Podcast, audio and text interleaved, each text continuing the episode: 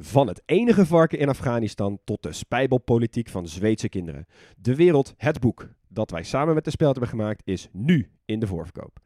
Het is de meest betrouwbare landengids der landengidsen. Het beste boek dat je nooit mag gebruiken bij je eindexamen. Ga naar grotepodcastlas.nl slash boek, bestel hem en dan heb je hem eind juni in huis. En terwijl ik val, zie ik die enorme kop van die beer boven me. In de wekelijkse podcast Echt Gebeurd worden al meer dan 10 jaar mooie, grappige, spannende en ontroerende verhalen verteld door de mensen die ze zelf hebben beleefd. Het regende bommen, dat wil zeggen, om de zoveel tijd ontplofte er een bus. Er zijn al meer dan 400 afleveringen van Echt Gebeurd verschenen. Dit is geen sjamaan, dit is een achterhoeker. Abonneer je nu op Echt Gebeurd in je favoriete podcast-app. Welkom bij de audioversie van de Atlas. Wij zijn drie geografen en in onze ogen is elk land de moeite waard. En hoe kunnen we zo'n land beter bespreken dan met gekke feitjes, mooie verhalen en kleine quizjes? Dit is de grote podcastlas.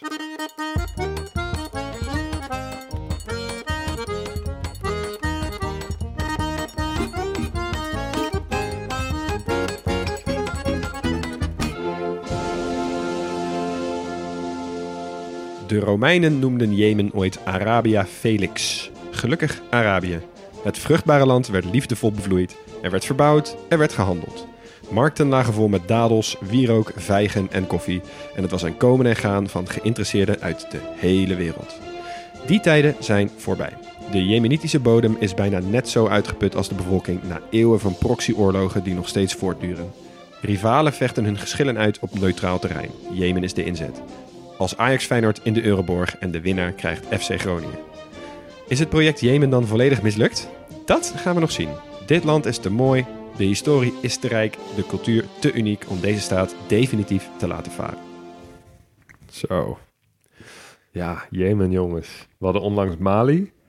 Ja. Dit is wel een beetje een land in dezelfde categorie qua hoeveelheid ellende de afgelopen eh, tientallen jaren. Ja, ja, maar ook wel heel veel wat de, wat de wereld mooi maakt. Nou, dat, dat ook zeker. En dat eh, wist ik ook eigenlijk helemaal niet. Daar ben ik tijdens mijn onderzoekje toch mooi achter gekomen. Dat, Ja. dat het echt heel veel moois te bieden heeft. ja, Jemen is een van die landen die ik, het heel, die ik heel graag wilde uitzoeken. Van tevoren. Ik Ja. wist dat er heel veel te halen was, weet je wel. Ik was er nooit Ja. heel diep ingedoken, maar ik wist dat het er was. Ik wist dat die hoofdstad echt fabelachtig mooi is. Ja. En wel heel veel andere mooie stukken over dat land. Maar ja, ik wist ook dat het best wel ja, slecht gaat. Ja, Dus, ja ik wist ehm, dat ja, eerste niet. Ik wist alleen dat tweede. Dus ik zag er eigenlijk erg tegenop om, eh, eh, om deze bak ellende in te duiken. Maar ik ben er toch vrolijker uitgekomen dan ik had verwacht. ja ik moet eerlijk zeggen, ik ben dus, eh, ik, ik, ja, toegegeven, een stuk eh bleuier erin gegaan. Ik wist echt relatief weinig over Jemen. Daar kwam ik ook achter tijdens mijn research. Ik had Mhm. wel wat aha-erlebnissen. Eh, waarvan ik halverwege dacht, oh, oh, dit is natuurlijk ook in Jemen. Oh ja, dit ben ik ook tegengekomen. Dit is natuurlijk ook in Jemen. Ik had zo'n typisch voorbereidingsmomentje. eh, dat kennen jullie ongetwijfeld wel. Wij doen dit natuurlijk, wij maken deze podcast naast drie fulltime banen. en bij jullie twee ook nog eens een kind. Dus ik zat zo van, oh, oké, nou, dit weekend kan ik Jemen nog wel even uitzoeken. En dan, eh, dan nemen we dan volgende week op. En toen begon ik er zaterdagavond of zo aan. En toen dacht ik, oh nee. Shit, ja. gooi daar geen maar leeg. Oh nee, ja, ja, precies. Zondagmiddag alle plannen gecanceld. ja. ja, ik ga het even eh, helemaal eh, gewoon eh, de, de deep dive into deze rabbit hole. Maar eh, ja, ik eh, ben er wel een stuk wijzer uitgekomen. En inderdaad, wat jij ook zegt, eh Huug. Eh, er is echt nog wel heel veel moois hier ook wat, eh, Ja. wat er te vertellen is. Absoluut. Nou, snel beginnen. Moeten we meepakken. Zeker. Nou, daar gaan we. Ligging, jongens. eh, zuidwestelijke deel van het Arabisch Schiereiland natuurlijk, hebben we het vandaag over. Ze hebben dus ook maar twee buurlanden. Saudi-Arabië in het noorden en Oman in het oosten. Het westen grenst aan de Rode Zee en de zuiden eh, grenst aan de Golf van Aden. En je kunt vanaf daar bijna zwaaien naar Djibouti. Dus samen delen ze ook die zeestraat, hè, die Bab al-Mandeb, waar Peter Ja. Boelens ons over vertelde. Een van de drukste zeestraten van de wereld, want dat gaat uiteindelijk naar de Rode Zee. Eh, ze bezitten ook Socotra. Eh, strategisch, eh ja, toch wel pirateneiland, zoals het zijn gaan kennen. Ja. Daarover later heel veel meer, denk ik. Ehm, oppervlakte is 13 keer Nederland, net zo groot als Frankrijk ongeveer. Eh 31 miljoen inwoners. Hoofdstad is Sanaa. Je kunt dat spellen met één A. Of met twee A's op het eind, hè, dan. Ja. Of een apostrof er Of ook met een apostrof ertussen. Ja, de rest voor iedereen wat wil. Ja, dus altijd als je van Arabisch naar Nederlands probeert te vertalen, dan komen er altijd overal apostrofs en eh, dingen tussen, omdat dat zit in die klank natuurlijk. Maar je, je zegt dus gewoon Sana. Ja, gewoon Sana. Ja, Maar ik zeg altijd Sana ik. A. Sana A, extra A'tje. Ja. Sana. Nou, dat kun je ook doen bij Thais, tweede stad. En eh, je hebt nog Al Hudaida en de havenstad natuurlijk Aden, ook Ja. bekend. Ze betalen met de rial. Eh, ze zijn super islamitisch. En let even op, 35% Shiïtisch, 65% ongeveer Soenitisch. Ze spreken de Jemenitisch-Arabisch, dus wel een vorm van eh, de Arabische taal. Maar ze hebben ook wel een paar Zuid-Arabische talen. Dat zijn dus wel echt andere talen. Dat wordt onder meer ook op Socotra eh, gesproken. En de achternamen, ja, we komen er niet omheen, eh, jongens. Mohammed, Ali, Ahmed en Saleh. Redelijk standaard. En de vlag is ook redelijk standaard. De meest basic versie ongeveer van de Pan-Arabische kleuren. Dus drie banen, horizontaal, rood, wit en zwart. Eh, Het rood staat voor het bloedvergieten van martelaren. Het wit staat voor de heldere toekomst. En het zwart staat voor het donkere verleden. Ik denk dat aan ons om uit te zoeken welke, welke baan het belangrijkste is. Maar ze hebben dus geen groen dus. Nee, Dus Nee, ze hebben geen groen. Nee. geen islam. Nee, dus die, eh, die Arabische kleuren die zijn niet helemaal compleet. Hmm. Mooie vlag. Ja, het is gewoon een Ja. Nederlandse vlag, alleen dan slecht. mi- het mist groen. Ja, Ja, ik ook. vind die Pan-Arabische kleuren heel mooi, maar dan wel met groen. Eens, eens. Groen Ja. En wat ik denk ook even ga doen in dat paspoortje tot nu toe, ehm, is even een kleine anatomie van het land. Even in een paar zinnen van waar hebben we het over? Waar liggen dingen? Waar, waar wonen mensen? Eh, voordat we gaan beginnen, dat is wel even goed om even te noteren. Dus de meest strategische plek gaat samen ook met, met de vruchtbare binnenlanden. Dat is allemaal in het westen. Dus de binnenlanden, daar ligt ook de hoofdstad Sanaa. Eh, en in de zuidkust, daar ligt Aden, die havenstad. En de belangrijkste plaats van het vruchtbare gebied is Ib, IBB. En in het oosten, daar woont bijna niemand. Ja, dat is waar je- dat hè, zou moeten woestijn, hè? Ja, Ja, dat is puur woestijn. oké.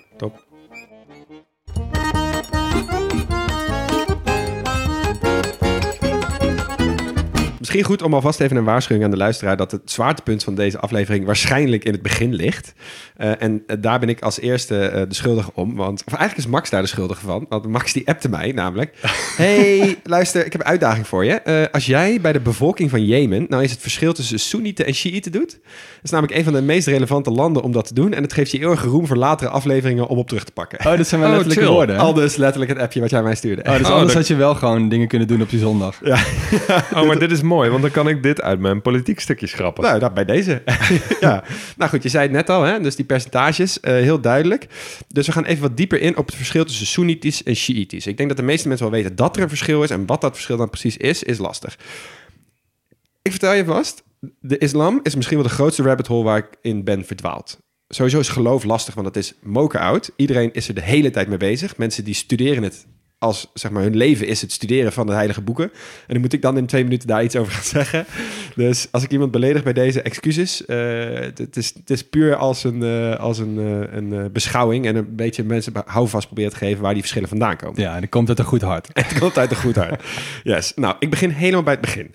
Het woord islam komt uit het Arabisch en het betekent overgave aan Allah en vrede aangaan. En mensen die in de islam geloven heten moslims en een moslim betekent daarom iemand die vrede heeft gesloten met Allah.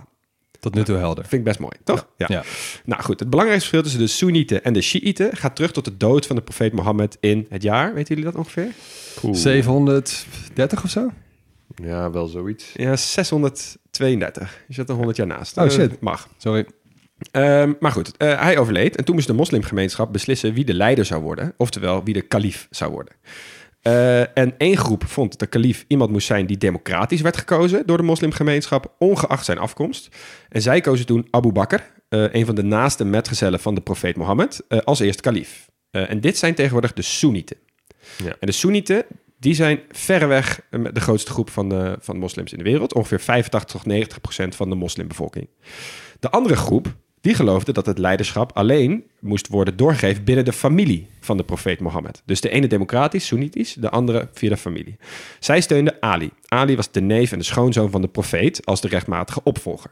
En de Shiiten zijn dus hè, 10 tot 15 procent van de wereldbevolking van de moslims. Ja. Shia is de korte vorm van Shiat Ali, de partij van Ali. Nou ja. Ja. Ehm, goed, dus dat is duidelijk, hè? Ja, we Ja. gaan verder.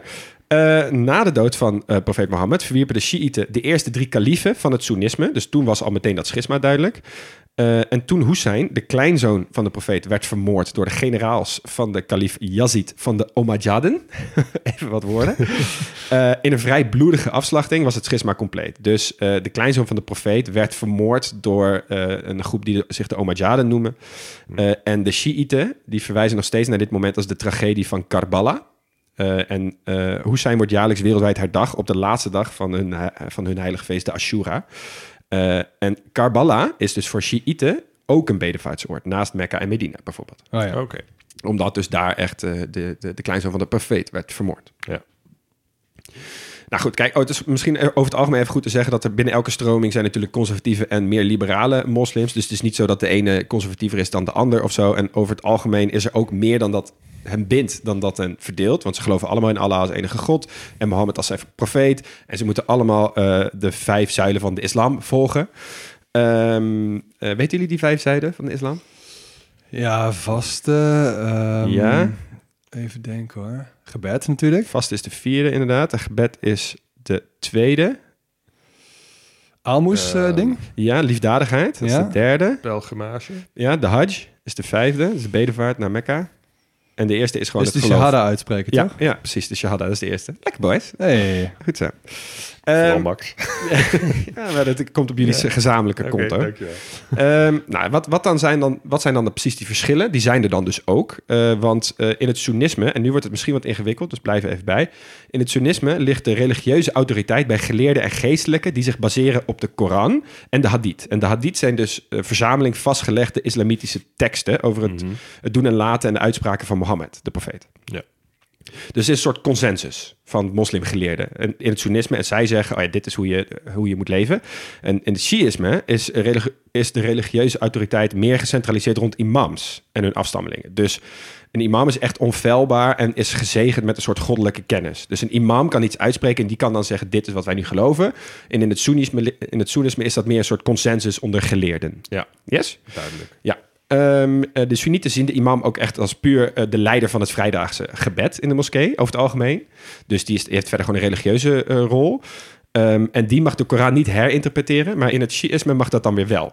Daar mag de imam de Koran herinterpreteren. Dus dan leest hij iets en mag zeggen en mag hij bijvoorbeeld over de hedendaagse dingen Ja. daar iets over zeggen. Dus Ja. weer het verschil tussen dus de rol van de imam in het Soenisme en het Shiïsme.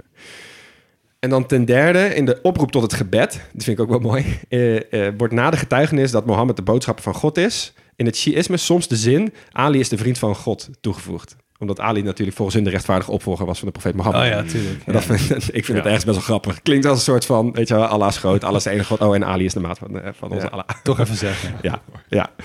Ehm, nou, dat gezegd hebbende is het verder heel erg, in vooral de afgelopen tientallen jaren, een vooral politieke en bestuurlijke scheiding geworden. Want ja, je afzetten tegen de ander is het makkelijkste manier om je eigen eh, groep te versterken eigenlijk.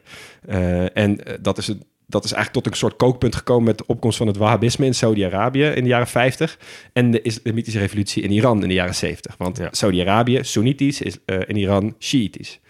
Ehm, en daar, maar daar gaan we het ongetwijfeld later ook nog over hebben, want dit is echt een van de meest interessante geopolitieke scheidingen in onze wereld, vind ik, van het moment. Ja.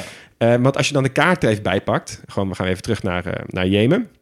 Dan kan je heel duidelijk zien welke groepen waar wonen. En je ziet dan, Shiiten wonen voornamelijk in Iran, Oost-Irak en Azerbeidzjan. En een plukje bij Zuid-Saudi-Arabië en Noord-Jemen. Ja. En daar gaan we denk ik straks ook nog heel veel over hebben. Dat zijn de Zaidieten. En dat is weer een andere stroming binnen het Shiïsme. Eh, en dat eh, stukje, eh, eh, zeg maar, dat, dat zijn dan, daar zitten de Shiiten binnen Jemen. En de rest van het land is dan voornamelijk Soenitisch. ja, en daar dus door die, die de verdeling van 35% Shiïten, Shiïten, 65% die wonen in de rest van het land, dat zijn de Ja, Soenieten. Exact, exact. Nou, tot zover het verschil tussen de Soenieten en de Shiiten. Daar komen we denk ik straks op terug.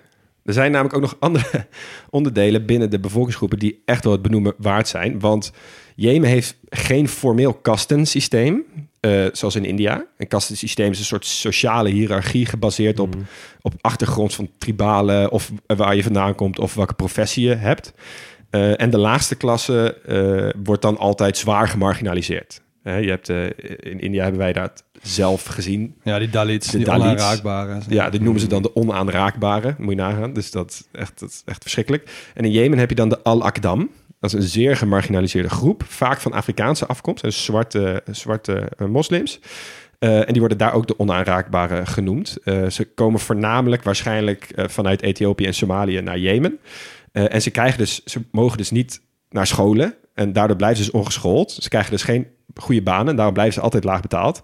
En moeten ze altijd werken op plekken als straatreiniging of afvalverwerking. En dat is natuurlijk een cyclus, die kan je heel moeilijk doorbreken.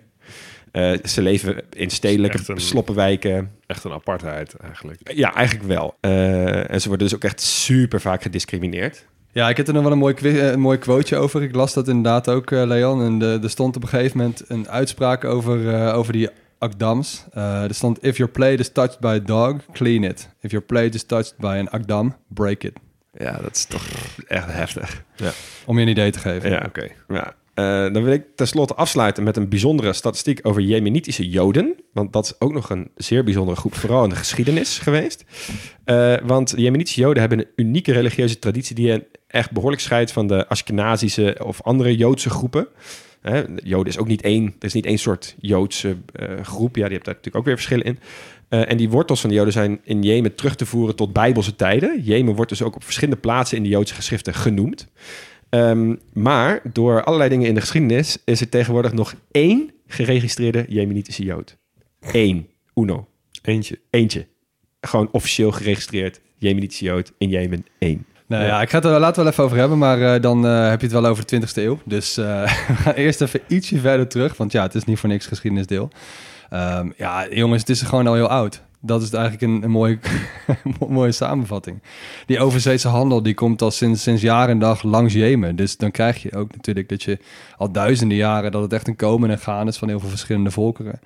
Eh, dus er gaan veel groepen de revue passeren. Eh, ik noem er alvast even twee. Eh, de Kartanieten en toen de Sabeërs. En die Sabeërs, dat, dat waren de mensen die grofweg in dezelfde tijd woonden als het Romeinse Rijk. Dus daar werd dus ook eh, Jemen, ook Arabia Felix genoemd. Eh, gelukkig. Arabisch. Ja, dus als je Felix heet en je vraagt je nog af waar je naam vandaan komt, Ja. je bent gelukkig. Eh, vergeet ook niet trouwens dat dit echt een van de vruchtbaarste delen van dat hele schiereiland is. Ja. Dus die waren heel goed in waterbouwen, die hadden irrigatiesystemen, er werd heel veel gehandeld en dus ook heel veel verbouwd. ja, ze zaten niet in de croissant fertile. Nee, nee. maar het was wel redelijk fertiel. Ja.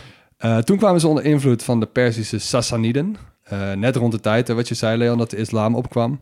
Eh, dus het duurde ook niet lang voordat zij dus ook islamitisch eh, werden. En ook onderdeel werden van Mohammeds kalifaat. Nou, daarna door de opvolgers, die kwamen er ook. De, de Omarziden dus, de Abbasiden. Toen kwamen de Ajoubiden. Toen kwamen de Rasuliden en de Mamelukken. En ik noem deze eventjes ook allemaal als een soort van opmars tot wie er daarna kwamen. Dit is allemaal tot en met de 16e eeuw. De Ottomanen natuurlijk. Ja. Dus daar Ja. pakken we hem weer even op. En ik ga mezelf even kwellen, eh, want we gaan weer heel even terug in de tijd, naar 898. Er kwam iemand aan de macht als imam, die we even moeten bespreken. Al-Hadid, Il al-Haq, Yahya bin Hussein. En dat is dus de stichter van die Zaïdieten, die jij net noemde, Leon. Dat Ja, zijn dus de Shiiten, eh, een Shiïtische beweging, Ja. die zich heeft gezetteld in West-Jemen, in de binnenlanden. Nou, wordt zo meteen belangrijk. Vanaf de 16e eeuw ongeveer werden ze dus ingelijfd door het Ottomaanse Rijk. En die zijn dus Soenitisch. Maar in de eeuwen daarna bleven die Zaïditische imams wel de macht behouden over de westelijke binnenlanden. Dus zie je het even zo, aan de kust zaten de Ottomanen en in de binnenlanden zaten de Shiiten. Ja. Dus daar zie je die strijd al een beetje ontstaan. Tot de 19e eeuw ongeveer, want toen kwamen de Ottomanen, die gingen steeds meer de binnenlanden in. Dus die probeerden steeds meer dat te controleren. Ehm, in de praktijk bleven die Zaïdieten wel machtig in de binnenlanden. Ja. En in de zuidelijke havensteden kregen de Oma- eh, Ottomanen gezelschap van een ander heel nieuwsgierig zeevarend volkje. En dat waren de Britten. Volkje. Volkje, ja. Volkje met wat invloed. Ja. Die namen in 1839 eh, namen ze Aden in, dus die havenstad.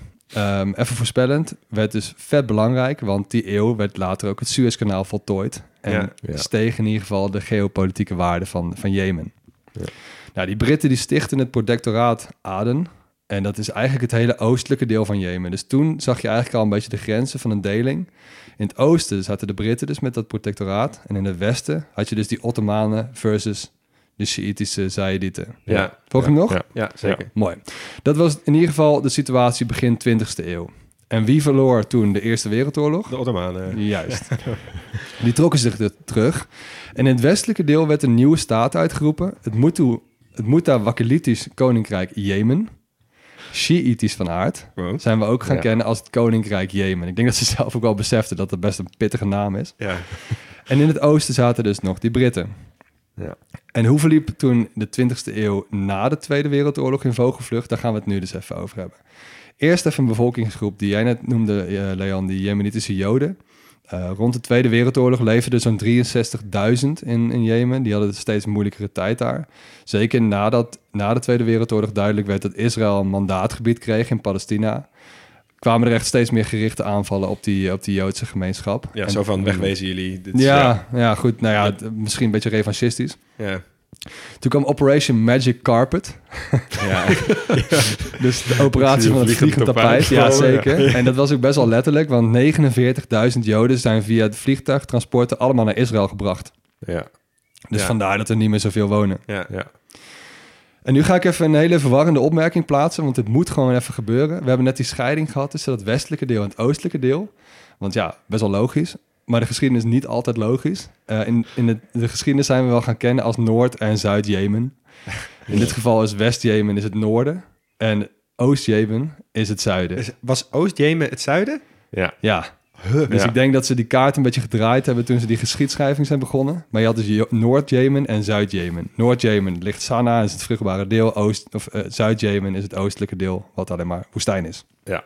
En een heel groot kustgebied natuurlijk. Juist. Ja, maar het is misschien Ja. als je zeg maar, als je, als je stel hè, je Noordpijl is Mekka. Nee, het is super vaag. Het slaat nergens Nee, maar stel je Noordpijl is Mekka, Ja, maar dan draai je. je- ik probeer ze te helpen. Precies.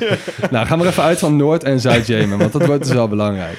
Noord-Jemen was dus dat koninkrijk, dat Sjiitische koninkrijk. En dat keek dus wel over de grenzen. Ze werden in eh, 1958 het derde lid van de Verenigde Arabische Staten. Een uitbreiding van de Verenigde Arabische Republiek. Dit is wel mooi. Eh was een idee van Nasser van Egypte. Eh, Het was echt heel een, een, een anti-koloniaal, overkoepelend Arabisch, een beetje een links plan ehm, voor moderne en seculiere staten. Dat wilde hij echt, echt, echt bewerkstelligen in de regio. Oké. Bleek geen lang leven beschoren, want zo'n zo'n overzeese fusiestaat die het eigenlijk zou moeten worden, heeft bestaan van 1958 tot 1961, dus niet zo lang. Maar het was wel echt een roerige tijd voor de Arabische wereld. Je zat midden in die koloniale tijd, hè, de overgang, ehm, midden in de Koude Oorlog. Dus je kreeg vragen van wie willen wij zijn, bij wie, bij wie willen we horen. Ja. Het was nogal een, een, een tijd om een kant te kiezen natuurlijk. En pakweg de periode van 1952 tot de islamitische revolutie in Iran in 1979 wordt dus ook wel gerekend tot de Arabische Koude Oorlog. Zo Ja. noemen ze dat. Ja. Ehm, je had eigenlijk twee kanten. De, de koninklijke, liberale, eh, conservatieve kant van Saudi-Arabië tegenover het republikeinse, linkse, vernieuwende Egypte. Mhm. Die twee stonden tegenover elkaar. Ja. En er liepen nog meer strijden tussendoor, want je had ook Israël tegen Egypte, Egypte tegen het Verenigd Koninkrijk en de Sovjet-Unie tegen de Verenigde Staten. En er zat ook nog olie in dat gebied, dus het was best wel een belangrijk, eh, belangrijk stukje aarde. Ja. En Noord-Jemen werd daarin een belangrijk front. In 1962 vond er een militaire staatsgreep plaats eh, door seculiere republikeinen. En die kregen natuurlijk steun van Nasser, maar ook van de Sovjet-Unie. En de koninklijke kreeg steun van andere koninkrijken. Dus Saudi-Arabië, Jordanië, Verenigd Koninkrijk. Maar ook Israël, in de tijd vijanden van Egypte. Ja, ja, ja. Ze kregen steun van Iran, want Shiïtisch. Maar dan kregen ze dus steun van Saudi-Arabië en Iran. Ja, Oh, oké, interessant. best wel ziek, hè? Ja, Ja, ja. toen nog wel. Iedereen had zijn redenen om een kant van dit conflict te steunen. Ja. Uiteindelijk wint wel het republikeinse deel in 1970 en iedereen trekt zich terug. Het heeft acht jaar geduurd. Ehm, Noord-Jemen wordt dan wel een semi-stabiele staat. eh, in de Koude Oorlog meer naar het westen leunend. Dus naar de Verenigde Staten, naar, naar, naar de Verenigd Koninkrijk. Ja. Nou, er zitten wel wat royalisten in de regering. Dus de mensen die dus eh, van het Koninkrijk zijn. Eh, de Egyptische troepen zijn weg. De Egyptische troepen zijn moe gestreden. Die zijn veel te lang blijven zitten. Ehm, belanden ook met Israël in de Zesdaagse Oorlog. Verliezen die oorlog ook nog. En theoretisch zijn zij dus wel de winnaars, maar alleen qua staatsvorm. Er wordt ook wel gezegd, Jemen is Egyptisch Vietnam.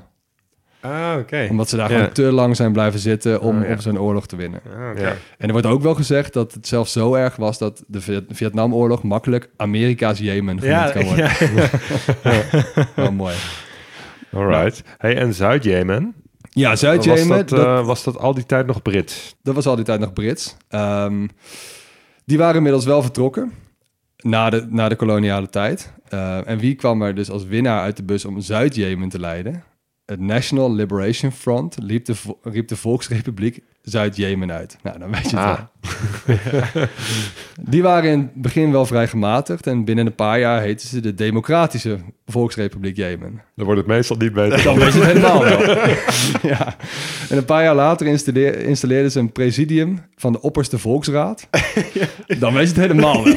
Hoeveel woorden kun je bedenken om te vertellen, jongens? Wat wij doen is niet helemaal zuivere koffie. Ik Wij zijn een best wel marxistisch. grote rode ster in de vlag. Juist, precies. Ja, dus de oplettende luisteraar hoort hier dus wel een, een onbekende Arabische versie van de deling tussen Oost- en West-Duitsland, Noord- en Zuid-Korea.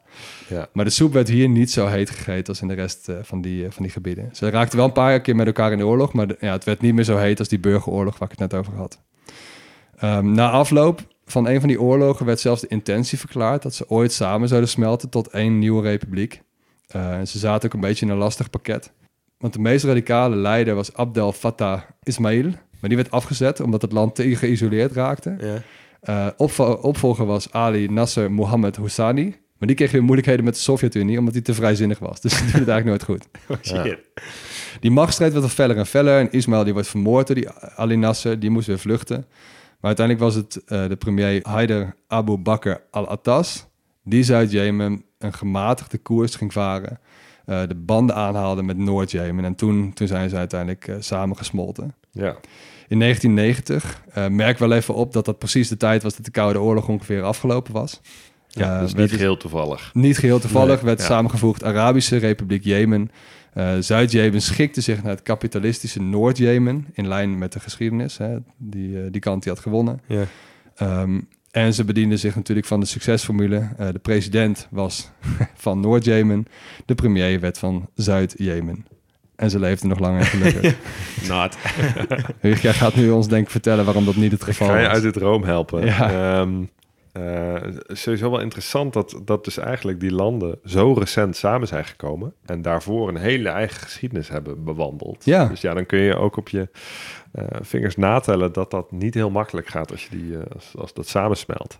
Ehm, nou, die, die president, dat was dus de, de leider van het oude Noord-Jemen en dat was Ali Abdullah Saleh.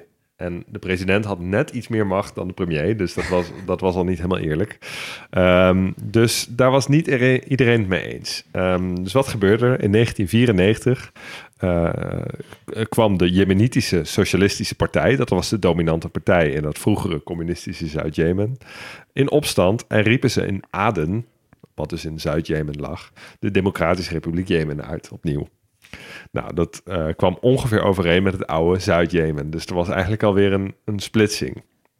Nou, er volgde een korte burgeroorlog die de regering van Saleh eh, na twee maanden won. Dus toen hè, was, was het, eh, het afvallige Zuid-Jemen weer binnenboord. Ja. Een beetje stuiftje wisselen eigenlijk de hele tijd van situatie. Ja, precies. Maar ook in het voormalige Noord-Jemen Jemen zelf sluimerden nog allerlei spanningen. Want Max, je vertelde eerder al, daar zaten, zat er natuurlijk eh, die grote Shiïtische bevolking in het binnenland. In het noordwesten van het land, namelijk in de regio Sada, daar wonen die Zaïdieten. Dat zijn de Shiïten. Ehm, die tot 1962 hun eigen imamaat hadden. Dat, dat koninkrijk dus, maar daarna opgeslokt zijn door Noord-Jemen. En eigenlijk stelselmatig werden gediscrimineerd door de Soenieten in de rest van het land. Ja. Dus die waren niet zo blij. Ehm, begin jaren 90 organiseerden die Zaïdieten zich in de beweging Ansar Allah, helpers van God. Ehm, dat was een, eh, een beweging die werd geleid door Hussein Badreddin al-Houthi. En dat was in het begin een theologische vereniging die bijvoorbeeld zomerkampen en lezingen organiseerde. Dus heel gematigd, ruimdenkend, eh, zeker geen militante beweging. Maar dat veranderde in de jaren nul. En dat kwam omdat er eh, ten eerste steeds meer onvrede was over de eigen situatie in Jemen. Eh, in het, het verenigde Soenitische overwegende Jemen. Maar ook over het ingrijpen van de Verenigde Staten in Irak. En het feit dat Saoedi-Arabië en de regering van Saleh die inval steunden. Van Amerika. Ja, ja, ja, precies. Ja, dat waren bondgenoten. Jemen en, en Saudi-Arabië waren Ja. eh, grote bondgenoten van de Verenigde Staten. En ehm, eh, die Zaïdieten waren het daar absoluut niet mee eens. Nee. Eh, dus de beweging werd steeds verder anti-Amerika, ook anti-Israël, anti-Saudi-Arabië en, last but not least, anti-Saleh. Ja. En die situatie escaleerde in 2004. De beweging werd steeds radicaler. ehm, dreigde wapens op te pakken. En de regering van Saleh die zag ook dat gevaar en die greep in. En bij gevechten werd al-Houthi, die leider dus van Ansar Allah, vermoord. En uh, de leden van de beweging worden sindsdien door de meesten aangeduid als Houthis. de Houthis. Ja, die Vernoemd dat dus wordt- naar die, uh, die leider Ah, al-Houthi. Ja. Weet je ook waar daar vandaan komt. Maar Ja. officieel heette de beweging dus Ansar Allah, helpers van God. Nou, na 2004 volgde er een jarenlange strijd. Uh, de regering van Saleh werd daarbij in het geheim gesteund door Saudi-Arabië, een belangrijke bondgenoot. En de Houthi-rebellen werden juist gesteund door hun Shiïtische broeder en de aardsvijand van Saudi-Arabië, Iran. Um, de Houthis waren de underdog, uh, maar het lukte de regering van president Saleh niet om ze te verslaan. Dus er ontstond, ontstond eigenlijk een soort status quo en in 2010 uiteindelijk een wapenstilstand. Maar wat gebeurde niet veel later in de Arabische wereld? De Arabische lente. Ja, oh ja. En uh, in Jemen ook. En daar zat toevallig die Saleh, die al sinds 1990 aan de macht uh, was. Ja. En ja, uh, in, in de, de ogen van de hele internationale wereld moest dat wel een keertje klaar zijn. Ja. Um, dus onder, onder internationale druk moest hij in 2012 het veld ruimen. En zijn opvolger was Abd Rabu Mansour al-Hadi. Um, die werd de nieuwe president. Maar het gevolg van die Arabische lente was eigenlijk dat de positie van de regering in Jemen, waar dus heel veel uh, afvallige groepen, groeperingen waren, steeds verder verzwakte. En eigenlijk kun je vanaf dat moment spreken van een all-out burgeroorlog in Jemen. Ja. Tussen verschillende strijdende partijen. Je had dus de regering van de nieuwe president Al-Hadi, uh, de aanhangers van de voormalige president Saleh. Ja. Die waren, ook Die, nog. zaten, die, waren, die waren niet uh, verenigd of zo. Die zaten niet onder één vlaggetje. Ja, nee, nee, nee. Die zaten niet onder één vlaggetje. Nee. Zeg maar, dat waren echt de, de aanhangers van Saleh. Die waren tegen de opvolging van Saleh. door Ja, ja, check. Ja. Nou, dan heb je dus de Houthis. Ja. Die we voortaan dus gewoon even de, voor het gemak de Houthis gaan noemen. Die, uh, die die Shiiten. Ja. Um, dan heb je een beweging die strijdt voor de afscheiding van het voormalige Zuid-Jemen. Ja. Want ja, die had je ook nog. Ja. Ja. En natuurlijk ook hier salafistisch-jihadistische bewegingen zoals Al-Qaeda en Islamitische Staat. ja, tuurlijk. Dus echt complete ellende. En um, de onderlinge verhoudingen tussen die partijen zijn ook heel ingewikkeld. Want uh, uh, de Houthis die trokken namelijk een tijd samen op met de aanhangers van de voormalige president Saleh. Tegen Oké, ja, ja. Al-Hadi. Ja. Uh, tegen wie ze tien jaar geleden nog oorlog voerden. Um, maar op een gegeven moment braken die partijen ook weer en werd Saleh weer vermoord door de Houthis. Dus Wow, oké. echt heel ingewikkeld. Het is dus allemaal niet zo zwart-wit. Het is ook geen zuivere kwestie van Shiiten tegen Soenieten. Nee. Want daar hebben zich ook heel veel Soenieten aangesloten bij de Houthis. Ja. Ja. Dus uh, hè, als En je ja, dacht het is- het te snappen, Ja, nog Het is gewoon. Shiite versus Soenieten, establishment tegenover non-establishment. En dan heb je nog afscheidingsbewegingen. Het is echt complex, Ja, man. conservatief Dus- tegenover liberaal. Klopt. Maar dat is grappig dat je dat zegt. Want dat zie ik dus ook in heel veel, heel veel bronnen die ik onderzocht. Was ook dus over die eh Soenieten versus Shiiten. Er staat bijna overal staat dat het echt een... Nou, ik zou het niet zo gechargeerd zeggen... maar dat het wel grotendeels een construct is geworden... door de internationale politiek. Ja. Dus dat het makkelijker is voor voornamelijk westerse landen of media, whatever, om erover te schrijven. Als je gewoon kan zeggen. Alles is- op één hoop ja, te gooien. Het is Shiiten Ja. versus Soenieten. Het is Ja. Saudi-Arabië versus Iran. Het is Houthis Ja. versus de Soenitische organisatie. Maar dat Nee, is, dat- als je even inzoomt, is het gewoon niet Want zo. wat jij zei is heel terecht. Die, die uh, Zaiditische stroming binnen, de, uh, binnen het Shiïsme is een hele andere dan de stroming die ze in Iran aanhangen. ja, exact. Ja, precies. Dus ja, goed, zo, zo complex ligt het. Ja. Nou, terug naar die chaos. Ehm, territoriaal profiteerden de Houthis het meest van de chaos. Die waren gewoon goed georganiseerd. Ehm ze veroverden steeds meer gebied. eh, trokken op naar de hoofdstad Sanaa. Eh, dat lag al niet heel ver van hun gebied, want ook in dat noordwesten van het land, dat bergachtige gebied. En begin 2015 bezetten ze het presidentieel paleis. En ze dwongen al-Hadi om af te treden en eh, de Houthis vormden een nieuwe regering. Maar vervolgens vluchtte al-Hadi naar Aden, waar hij zei: eh, Nee, ik treed toch niet af. Eh, ik blijf gewoon president en ik ben nog steeds de rechtmatige president van, eh, van Jemen. Nou, de Houthis die rukten vervolgens ook op naar Aden. Dus dat geeft wel aan hoe zwak die regering was, Ja. ondanks steun van, van Saoedi-Arabië. Ja. Ehm, eh, en hoe sterk die Houthis waren. En daarna vluchtte al-Hadi verder en kreeg hij politiek asiel in Saudi-Arabië. Ja. Nou, en dat was ook het moment voor Saoedi-Arabië en andere Soenitische landen in de regio om echt grootschaliger en vooral ook openlijker militaire steun te verlenen. Echt Ja. bombardementen. we hebben het nu over wat, voeren op de 2012 zo? 2000... Houthis. 2015. 2015, oké. Wordt Ja, check. Ja, dus allemaal in, de, in dat jaar waarin de Houthis echt he- enorm snel hun grondgebied uitbreiden. Sanaa veroverden en dus ook bijna Aden veroverden. Dat kon worden voorkomen door eh, eh, eigenlijk de intrede van eh, Saudi-Arabië in deze oorlog. Ja. En wat, wat je dan dus eigenlijk niet hebt genoemd, wat ook nog eens bizar is, waar we gelukkig niet heel erg op in moeten gaan. Dit is ook de tijd dat daar die piraterij hoogtij vierde, rondom Aden. Ja. En Ja. dit is ook de tijd dat Obama zijn dr- droneoorlog ook nog is. Want ja, dat, dat zijn allemaal documenten die zijn later pas omhoog gekomen. Dat Obama tijdens zijn presidentiële eh, pe- periodes van acht jaar, dus inderdaad tot en met 2016 of 2015, daar gewoon vet veel drone strikes heeft. Ja, En dat is echt niet tegen Saudi-Arabische mensen. Dat is waarschijnlijk dan tegen Houthis. Of in ieder geval tegen die Shiïtische...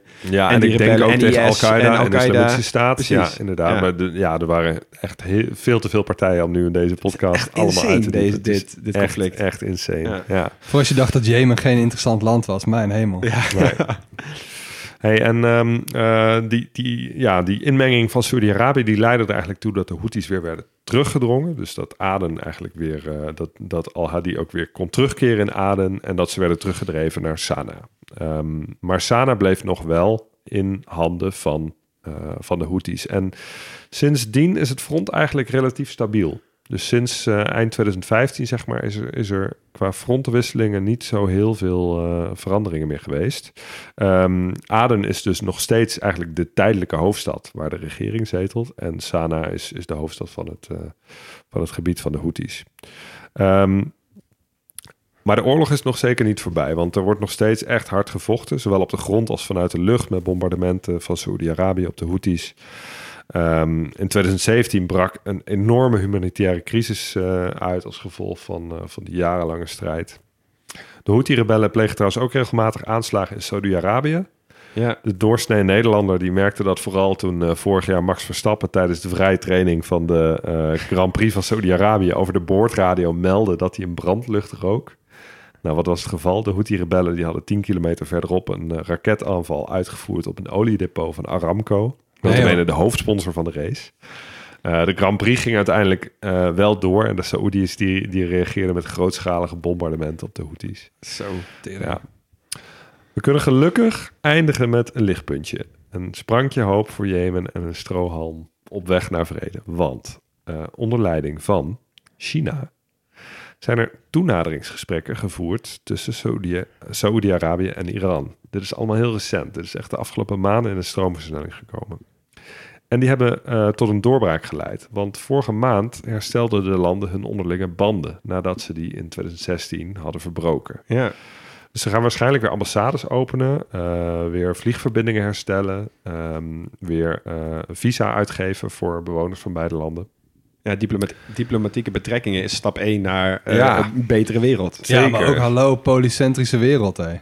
Ja, Maar gaat China ook- het ineens doen? Ja, maar dat is echt een, een, een verandering. Eh, Dit is, nu open je ook weer een deur trouwens. ik weet niet eens of ik deze in moet lopen. Maar het is ook echt weer een verandering op de wereldtoneel. Dat zeg maar niet Amerika, niet Oslo-akkoord, niet Nee. eh, Frankrijk, eh, niet Rusland, maar China ervoor zorgt dat de twee grootste rivalen van dit moment in de Arabische wereld Ja, elkaars, maar China is ook een van de weinige partijen die dit kan. Want Ja. eh, de Verenigde Staten is natuurlijk sinds jaar en dag een bondgenoot van Saoedi-Arabië en een vijand van Iran. Dus dat is, dat is niet de partij die kan bemiddelen Nee. in dit conflict. Nee, maar je- zeg maar een Noorwegen of zo. Ik bedoel, ja, er zijn wel Ja. vaker akkoorden in Oslo gesloten tussen twee rivaliserende lastig, Ja, landen. maar het zijn toch al snel twee kampen. En China houdt zich inderdaad al heel lang op de vlakte. En die kunnen nu inderdaad eh, Ja. een keer... eh, Ja, en die hebben natuurlijk heel veel baat bij het feit dat daar vrede is. Want waar halen zij namelijk al hun eh, Ja. olie vandaan voor hun eigen industrie uit die regio? Dat helpt natuurlijk, dat, dat zijn natuurlijk de belangen van, Ja. van China. Maar China is natuurlijk, hè, China staat altijd open om met iedereen te praten. En dat maakt ze een ideale bemiddelaar in dit soort conflicten. Ja. Nou, eh, hopen dat het de goede kant op blijft gaan natuurlijk. Want eh, dat zou ook positief kunnen uitpakken voor Jemen. Want het is natuurlijk toch een proxyoorlog hè, tussen Saudi-Arabië en Iran... waar vooral de Jemenieten heel erg onder te lijden hebben. Ja, ja.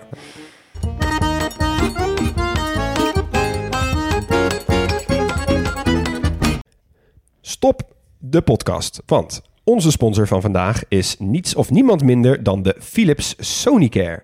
Jazeker, de elektrische tandenborstel van Philips. Maar wel eentje die er poetst en ook zo uitziet. Want eh, de borstels van deze Philips Sonicare zijn ovaal en langwerpig en die bewegen heen en weer net als bij een normale tandenborstel. Oh, dat is chill. Want Max, jij poetst nog altijd analoog, toch? Ja, ik had- ik had daar, Voordat je eh, deze kreeg. Ja, ik had daar één pk voor nodig inderdaad. ja. Ja. Dat deed ik altijd zelf. Ja, dus wij kregen er eentje. En eh, ik dacht, nou, ook om jullie te vermaken, maar ook om mezelf. ehm, ik ben even de geografische geschiedenis van de tandenborstel ingedoken. Dus, Dit was een mooi onderzoek zeker. heerlijk. Waar denken jullie dat de eerste tandenborstel, of in ieder geval tandenpoetssituatie, ontdekt is? Ja, we kunnen niet, het kan niet anders dan dat we dit al heel lang doen. Echt sinds de oudste beschavingen. Ja, nou, Ja. je zit ongeveer juist. Want ehm, wat ik vond is dat Babylonische koustokjes de vroegste vorm Oh. van mondsverzorgingsdingen zijn. Oh, dat is ook nog wel ouder dan ik had verwacht. Ja, dus 3500 voor Christus. Ehm, eh, eeuwen later ontwikkelden de Chinezen tijdens de Tang-dynastie de eerste tandenborstel met echt borstelharen. Eh, en die innovatie die heeft Europa bereikt via de zijderoute, dus de klassieke variant, en werd uiteindelijk in Frankrijk gespot rond het jaar 1560. Dan skippen we even vooruit naar ehm, de Brit William Addis. Want die zat in 1770 in de cel. En die zag een gevangenisbewaarder met zijn bezem de grond schrobben. En die dacht, hé, hey, wacht eens even. Dit kan je ook met je mond doen. Dus eh, hij heeft toen een eh, borstel gemaakt door varkensharen aan een bot te bevestigen. En toen hij vrijkwam, is dit de eerste tandenborstel die massaal werd geproduceerd en algemeen beschikbaar was voor meer mensen. Dus hij wordt een beetje gezien als de vader van de tandenborstel zoals wij die kennen. Shout-out William Addis. ja. En nu hebben wij hier wat door tandheelkundige professionals over heel de wereld wordt aangemerkt als het meest aanbevolen Sonische tandenborstelmerk, namelijk die Philips Sonicare. En de lieve mensen van Philips hebben ons er eentje opgestuurd, dus ik ben vooral benieuwd. Max, wat vind je ervan? Ja, mijn leven zal nooit meer hetzelfde zijn. nee, eer- ja, eerlijk, ik deed dit altijd zelf. Dus ik poetste altijd zelf. En ik heb ook wel elektrische gehad. En dan merkte ik dat ik die beweging nog steeds zelf aan het maken was. Ja, Maar dit is een heel goede combinatie van beide. Want ik hou me gewoon mijn borstel stil. ja, Maar dat ding poetst voor me. ja. Dit is, ja, Ja. Ja, voor mij is het ook wel een uitkomst. Want ik, ik poets al wel een tijdje elektrisch. Met een beetje pijn in mijn hart. Ik heb altijd een beetje heimwee gehad naar analoog poetsen. En ik was ook echt weer een toe aan een nieuwe borstel. Dus ik vond het echt super chill dat we er gewoon in opge, opgestuurd krijgen. Ik voel me ook eens echt een zieke influencer. Je ook?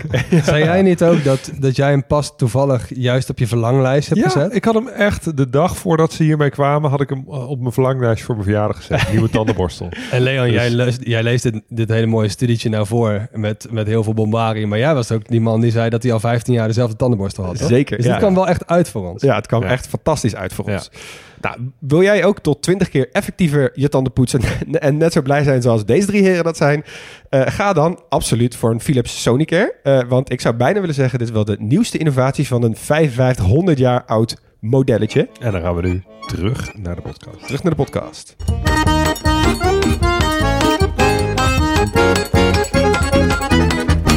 Zo, poeh. Dat waren drie eh, zware, listige hoofdstukjes. Veel namen, veel geschiedenis. Ja. Ja, tijd voor wat moois. Maar het is ook wel even nodig. eh, om ook in ieder geval een heleboel krantenkoppen te kunnen begrijpen. Eh, ja, wij hopen dat ook steeds meer te doen op deze manier. Het, het blijft een zoektocht. Ja. Eh, al is het alleen maar om te weten wat het verschil is tussen Shiiten en Soenieten. Maar ook inderdaad die, die Houthis versus de regering. Dat, dat lees je ook wel elke week. Ja. Dus eh, veel dank daarvoor, eh, mannen. Ja, hopelijk ben je er nog bij. En eh, ben je erbij voor de leuke Als je hier nog bent, dingen. dan wordt het eh, Ja. vanaf nu heel leuk.